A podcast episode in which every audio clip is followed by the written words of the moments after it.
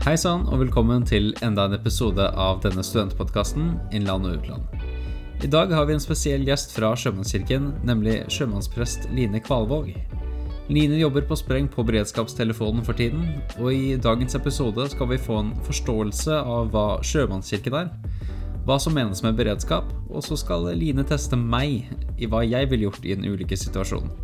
Vi avslutter med hvordan eh, hjemlengsel fikk noen norske studenter i utlandet til å bryte sammen i gråt foran Line da de så noen deilige norske vafler. Let's begin. For de som ikke kjenner til eh, Sjømannskirken så godt, hva, hva er det for noe? Sjømannskirken er en eh, gammel organisasjon som har vært i over 155 år for nordmenn i utlandet.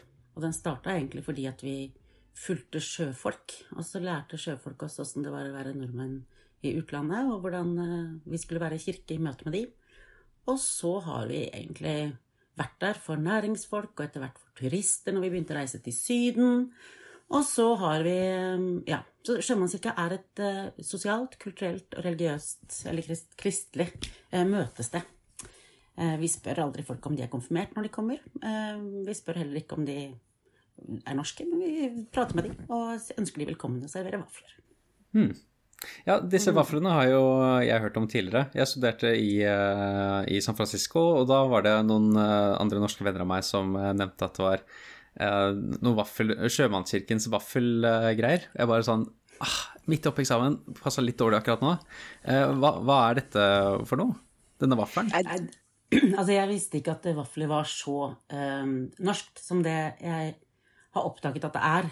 Um, det oppdaget jeg først etter at jeg hadde bodd ett år i Los Angeles på Sjømannskirka der, og kom hjem på sommerferie og skulle besøke alle vennene mine, og alle serverte is og vafler. Da skjønte jeg at vafler, det er norskt. Eh, veldig norskt, i hvert fall disse vaflene, flate, rare vaflene som vi har. Så det har liksom blitt litt sånn vårt eh, varemerke. Det er et varmt hjerte, pleier vi å si da. Eh, og så er det en sånn fin ting å samle seg rundt en kaffekopp og en vaffel, og så er det bare sånn det er blitt, egentlig. vi lager norske vafler, men alle disse stedene vi er rundt omkring i verden, så har vi gjort det litt sånn at eh, i Dubai kan du få vafler med kamelmelk. Og, ja, ja, litt, sånn, eh, litt sånne små varianter, da. Ja. Mm. Du nevnte at uh, dere spør ikke om folk er konfirmerte, men må jo være kristen, uh, av kristen tro for å komme på besøk eller snakke med noen, eller Nei da, absolutt ikke. Men det er noe med at vi vi er, en, vi er en, kirke, sånn at det, det er iallfall tydelig hvor, hvor, vi kommer fra, holdt jeg på å si. Man skal ikke lure på hvorfor vi gjør det vi gjør, eller, eller hvem vi er, eller hva vi tenker. Men, men noe, det er ikke sånn at de som kommer til oss, nødvendigvis eh, er medlem av kirka, eller medlem av, av Sjømannskirka. Eh, er, alle er velkommen til å komme inn på de arrangementer, eller bare for å komme og sette seg ned og prate. Og så sier vi at vi er der i hverdag og fest, og i krise. Så det er jo mange som gifter seg ute. Eh, og det er mange som eh, bor ute en kort periode eller lengre periode, og så døper de barna sine eller konfirmerer barna sine. Ja, Så det er jo også en sånn høytidsmulighet eh, å ha for disse ritene som vi har i tradisjon for å ha i Norge. Ja, det er et ganske bredt tilbud. Kanskje veldig, veldig relevant nå. Du nevnte krise. Nå er det jo koronakrise i hele verden. Eh, mm. Og vi, vi, møttes jo tidligere i, på OsloMet og vi snakket om eh, beredskap i utlandet. Eh, og hva mm. internasjonale studenter måte, Hva bør de gjøre, og hvem kan de kontakte dersom det er en beredskapssituasjon? Hvorfor kan det lønne seg for norske studenter i utlandet å kjenne til Sjømannskirken når det oppstår slike krisesituasjoner? Sjømannskirka har vært i utlandet i mange år, verden om. Det betyr at selv om ikke vi som jobber her er 155 år, så har vi iallfall med oss erfaringa fra de som har vært der eh, helt tilbake. Så vi innehar en kompetanse på forskjellige land eh, der hvor vi er, som gjør at eh, studenter som kommer dit som nye, kan kjenne at, at det kan være trygt å snakke med de. Hvor er det det er trygt å gå og spise? Hva er det som er lurt å gjøre? Kulturelle forskjeller. Um, sånne, type, sånne type ting. Og det er jo også alltid et stalltips å gå innom en sjømannskirke hvis det ligger f.eks. på Manhattan. Hvor er de gøye restaurantene som kanskje ikke står øverst på turistguiden? Eh, for de bor jo her, eh, disse forskjellige rundt omkring. Så de er jo lommekjente og lokalkjente og kan komme med gode tips. Så det er, det er mange sånne små fine ting som man kan ta med seg eh, som student eh, for å komme kjapt inn i et miljø. Så er det noe med at uh, Sjømannskirka også er med på å skape norske miljøer. Og det kan man jo tenke at når jeg reiser fra Norge, så skal jeg i hvert fall ikke eh, gå med å vasse i nordmenn. Men iblant så kan det jo kjennes litt godt å le av noe eh, som vi nordmenn ler av. Og at folk skjønner den der lille kommentaren man slenger inn, som eh, kanskje de i det landet du er i, ikke helt forstår hvorfor du syns er gøy.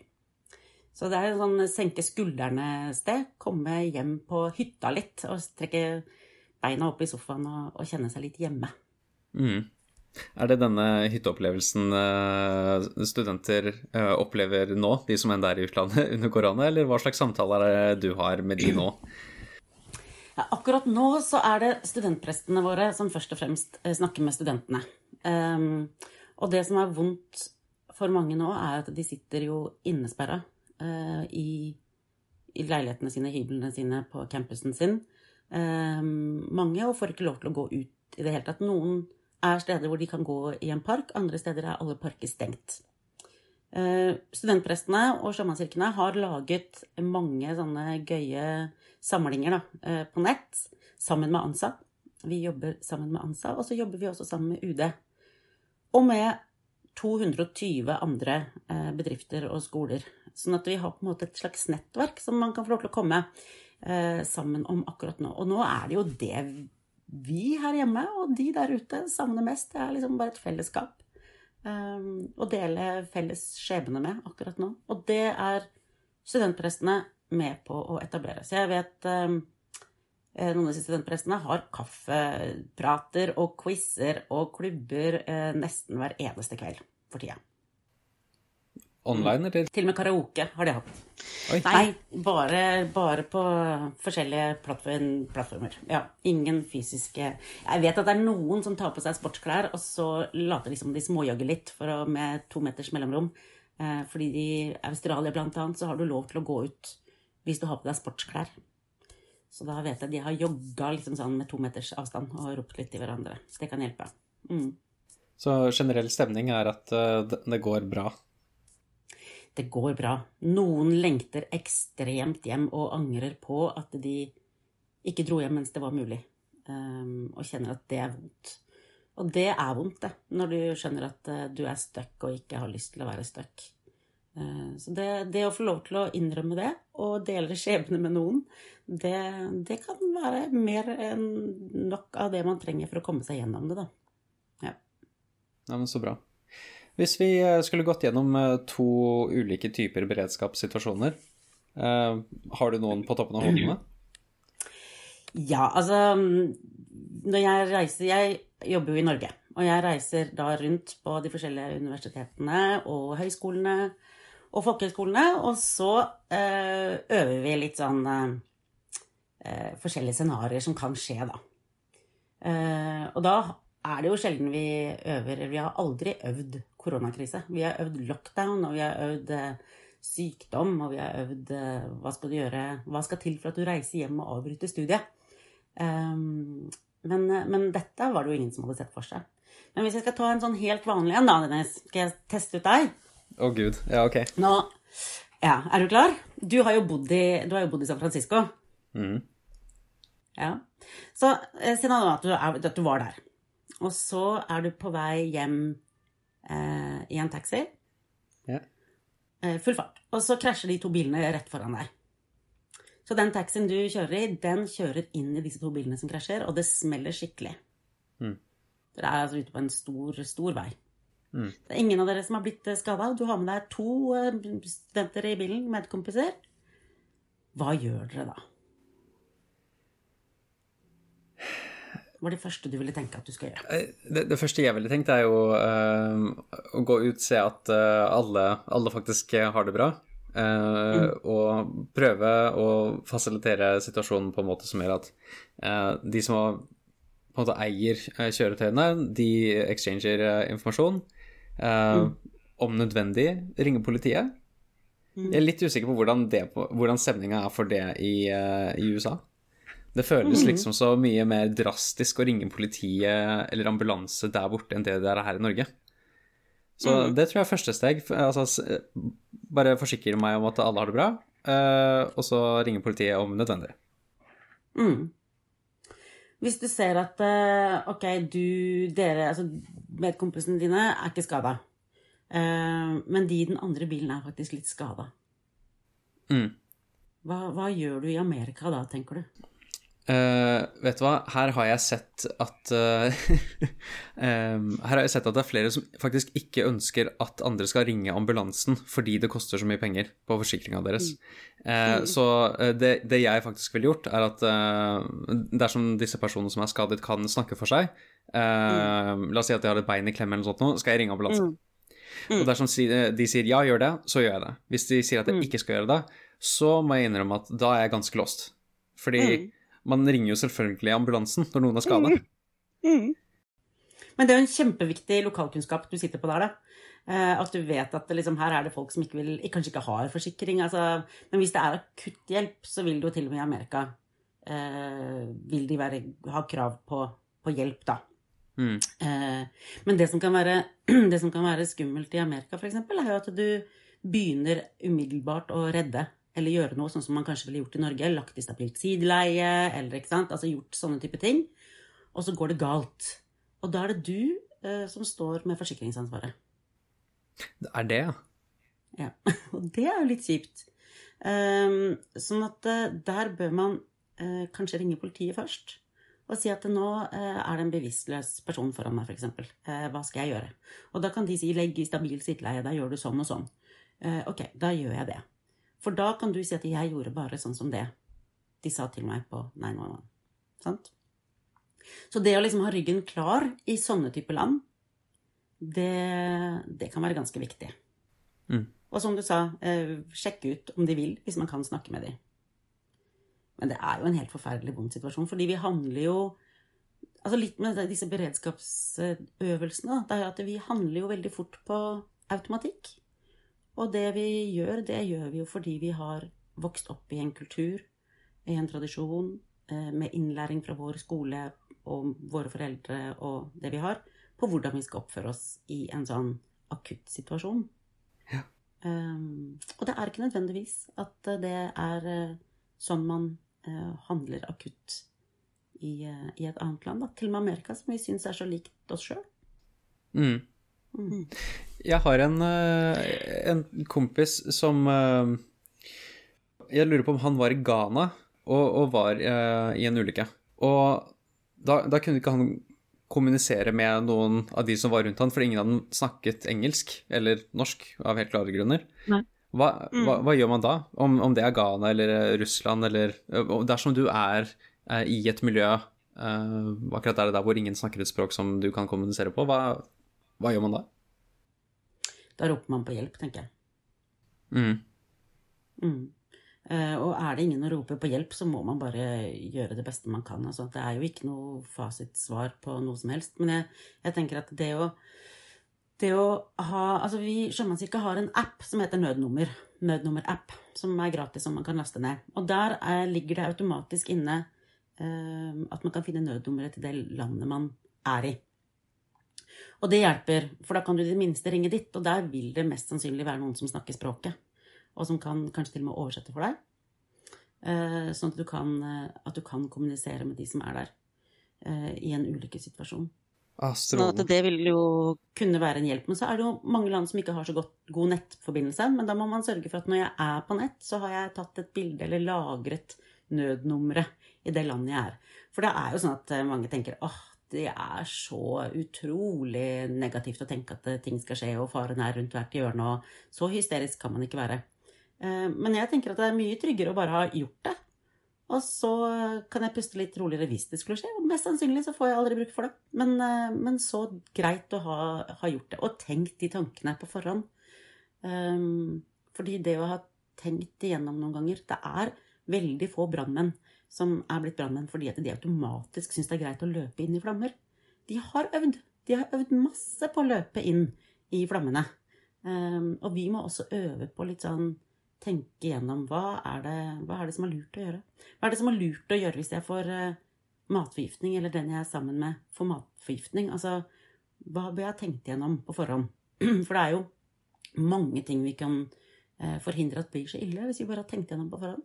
F.eks. Hvor langt er det til nærmeste apotek, eller hvor langt er det til nærmeste sykehus? Hvis det er tre timer i en humpete buss som går en gang om dagen til nærmeste sykehus, så ville jeg kanskje reist litt fortere til sykehus enn hvis det var rett rundt hjørnet.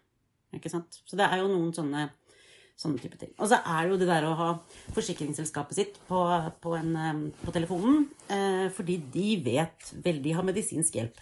Og det er også helt genialt. De fleste forsikringsselskaper har nydelige beredskapstelefoner, de også, som hjelper til mm. med det medisinske. For det kan være medisiner man får i utlandet som eh, man ikke får i Norge, og det kan være en grunn. Eh, og det er ikke alt vi tåler med våre mager, som de tåler eh, f.eks. i Ghana, da. Mm. Mm. Ja, dette er kjempeviktig å være klar over. Ikke at man nødvendigvis har eh, veldig god innsikt i step by step hva skal man gjøre innenfor alle disse beredskapssituasjonene, alle disse krisene, men det er som du sier, på en måte å være litt føre var da, og tenke på tenke på noen av disse tingene. Og der skal jeg være såpass ærlig at der har ikke jeg vært like flink. Um, da jeg først dro til, til, Nederland, så var det ja, jeg har språket, skjer det noe, så kan jeg snakke. Jeg er såpass nære Norge, dersom noe skjer, ringer jeg bare hjem. Uh, men altså, world happens. Det er ganske mye tilfeldig som kan skje, og så er det ikke nødvendigvis at det rasjonelle er det første som kommer til deg i en Eh, hva skal man kalle det, en heated situation. Herregud, jeg har enda ikke fått på plass det norsken. Nei da, jeg, jeg, lever i en sånn familie òg, etter å ha bodd eh, nesten fem år i Amerika, så det er helt greit. Men det er jo Jeg tenker sånn så at eh, det er noe med å ha tenkt gjennom litt sånn scenarioer. Hva er det mest sannsynlige at kan komme til å skje meg i utlandet? Hvis jeg reiser til et eller annet land hvor uh, jeg mest sannsynlig vil bli litt matforgifta, ja, da må jeg tenke gjennom hva jeg gjør hvis jeg blir matforgifta. Hvis jeg flytter til eh, Eller skal bo i et land hvor, eh, hvor trafikken er eh, litt over styr, så må jeg regne med at jeg havner i en eller annen krasj. Eller i nærheten av en eller annen krasj. Når vi kom til Ja, du har jo bodd i California. Når vi kom dit, så var det liksom jordskjelv som var den store øvelsen. Og da lærte jeg fort av ambassaden, eller konsulatet der borte, at det viktigste jeg hadde, det var sko under senga. Fordi hvis jordskjelvet kom, og alle vinduene knuste, så kom jeg meg jo ikke ut av senga med mindre jeg hadde sko som jeg kunne ta på meg, for da var det glasskår på alle gulv. Og det er sånne ting som jeg aldri ville tenkt på hvis ikke noen hadde fortalt meg det. Så det er jo liksom det der med å, å faktisk ha tenkt på det. Så sto det alltid et par gamle sko under senga mi. Da. Det betydde jo ingenting. Jeg brukte de aldri. Uh, men de sto nå der, og det gjorde at det var trygt. Uh, det var trygt. Mm. Og altså, um, som sagt, vi møttes jo på Oslo OsloMet, og da er det jo helt klart Der ble disse studentene som snart skal ut etter denne krisen, eh, er mer klar over beredskap enn det jeg kan huske at jeg var i perioden som ledet opp til Amsterdam og, og USA. Kan, kan, hvem som helst bare ringe Sjømannskirken og snakke om det? 'Hei, du, jeg skal til New York', eller jeg skal Ja? Mm. Absolutt. Det er bare å ta en telefon, og det tenker jeg at det er kjempesmart. Vi har, vi har både eh, stasjoner rundt omkring i verden, eh, og vi har studentprester. Eh, altså eh, De reiser rundt, har forskjellige ansvarsområder eh, i verden. Og så kan man finne sitt område og finne sin person og ringe og si 'Hei, jeg skal dit'. Eh, har du noen tips å gi? Um, og da vil de helt sikkert si at ja da, der er det uh, ganske sikkert en ANSA-gruppe. Altså hvis du reiser ut til et stort universitet, så skal det mye til at ikke ANSA har en lang gruppe der, og så kommer man i en link. Så det, studentprestene jobber tett med ANSA. Men også på de fleste sjømannskirkene så er det studenttreff. Um, og man får spise kjøttkaker en gang i året eller sånn. Og det kan være ganske godt. Jeg må si at jeg ble veldig overrasket når jeg da kom eh, til disse 70 80 studentene eh, utafor eh, halv time fra sjømannskirka i Los Angeles. Eh, og hadde med meg vafler. Og jeg så at de begynte å gråte ned når de bare kjente vaffellukta. Og de krangla så fælt om eh, den, det håndkleet som lå oppå vaflene, at jeg måtte klippe det opp i fire. Og så fikk de med seg hver sin liten bit, så de kunne gå og lukte på vaffellukta. Det innrømmet de at det hadde de ikke trodd at de skulle gjøre. Men, eh, men det er litt hjemlengsel iblant, og det er helt ålreit å få lov til å lengte hjem eh, og kjenne seg ensom og annerledes Eh, det er, sånn er det bare, tenker jeg. Det er ikke flaut, og det er ikke rart. Det er helt, helt greit. Men det kan komme litt overveldende på, da. Mm. Mm. Jeg har hørt uh, noen rykter om at uh, det er ikke bare ute på universiteter og på telefon uh, dere formidler informasjon. er det noen webinarer ute og går? Ja, det er webinarer ute og går. Det er vi starta med nå. Vi har egentlig, som jeg nevnte, så har vi 220 eh, undervisningsinstitusjoner og bedrifter eh, som har det som heter beredskapsavtale med oss. Og hvert år så får de tilbud om et eh, fagseminar. Nå er det jo ikke så lett å samle folk, eh, så da tenkte vi da må vi tilby de noe annet. Og da har vi rett og slett lagt ut åpent for alle. Klokka to hver tirsdag så er det et fagwebinar. Eh, med forskjellige tema eh, som går på eh, konflikt, konflikt det går på kulturforskjeller, det går på ja, mange sånne type temaer som er veldig relevant når man bor i utlandet. Ja, og egentlig hjemme også. Så det er, noe, det er, ikke noe, forskjell. Men ting blir ofte litt sterkere i utlandet. Da. Så det, det, er jo der vi har mest kompetanse. Og så tenker jeg jo at eh, Så de, de eh, webinarene de ligger ute. Eh, blir lagt ut som sånne små filmsnutter på et kvarter, 20 minutter. Eh, så da kan man gå inn på nettsiden til Sjømannskirka, sjømannskirka.no. Enkelt og greit. Og se på de. Med, med Håper det kan være til glede og nytte. Nei, men Så bra. Da tror jeg det skal være veldig mye lettere for de studentene som drar for første gang, de som drar for andre gang, tredje gang, fjerde gang, eller bare på ferie, for den saks skyld. Mm. Og uh, bare være litt mer forberedt på hva som kan skje. Absolutt. Så tenker jeg jo også det at uh, hvis det er sånn at man eh, ikke lurer på hvor i all verden skal jeg ta kontakt nå, så har Sjømannskirka en beredskapstelefon som man kan ringe, ringe døgnet rundt. Um, alle dager, fordi man kan jo befinne seg et sted i verden hvor hvor klokka ikke går sånn som i Norge. Så da kan man ringe når man trenger det. Ehm, jeg har snakka med studenter som har stått eh, på sykehus fordi at de må et eller annet og lure på forsikring eller lure på hva de skal, og alle telefoner er stengt. Eh, og jeg har snakka med de som bare lengter hjem, og de som lurer på hva de skal gjøre fordi eh, kompisen har sperra seg inne på rommet. Altså det kan være så mange ting, da. Så den døgnåpne beredskapstelefonen, den er lov til å ringe og drodle. Og den er når det skjer Eh, når det skjer noe. Eh, eller hvis du bare trenger et tips videre. Så, så den, den, ligger også i den appen. Um, og, og, dere finner den også på nettsida vår. Er strålende. Det, det, er godt å vite at uh, vi har noen i ryggen uh, som vi kan stole på, og som uh, tar oss imot med åpne armer. Line, tusen hjertelig takk for at du ble med på denne episoden av Innland utland. Dette setter jeg veldig stor pris på. Jeg ønsker deg masse lykke til med de neste telefonene du skal ta, og tiden fremover. Tusen takk. Tusen takk. Veldig hyggelig å få være med.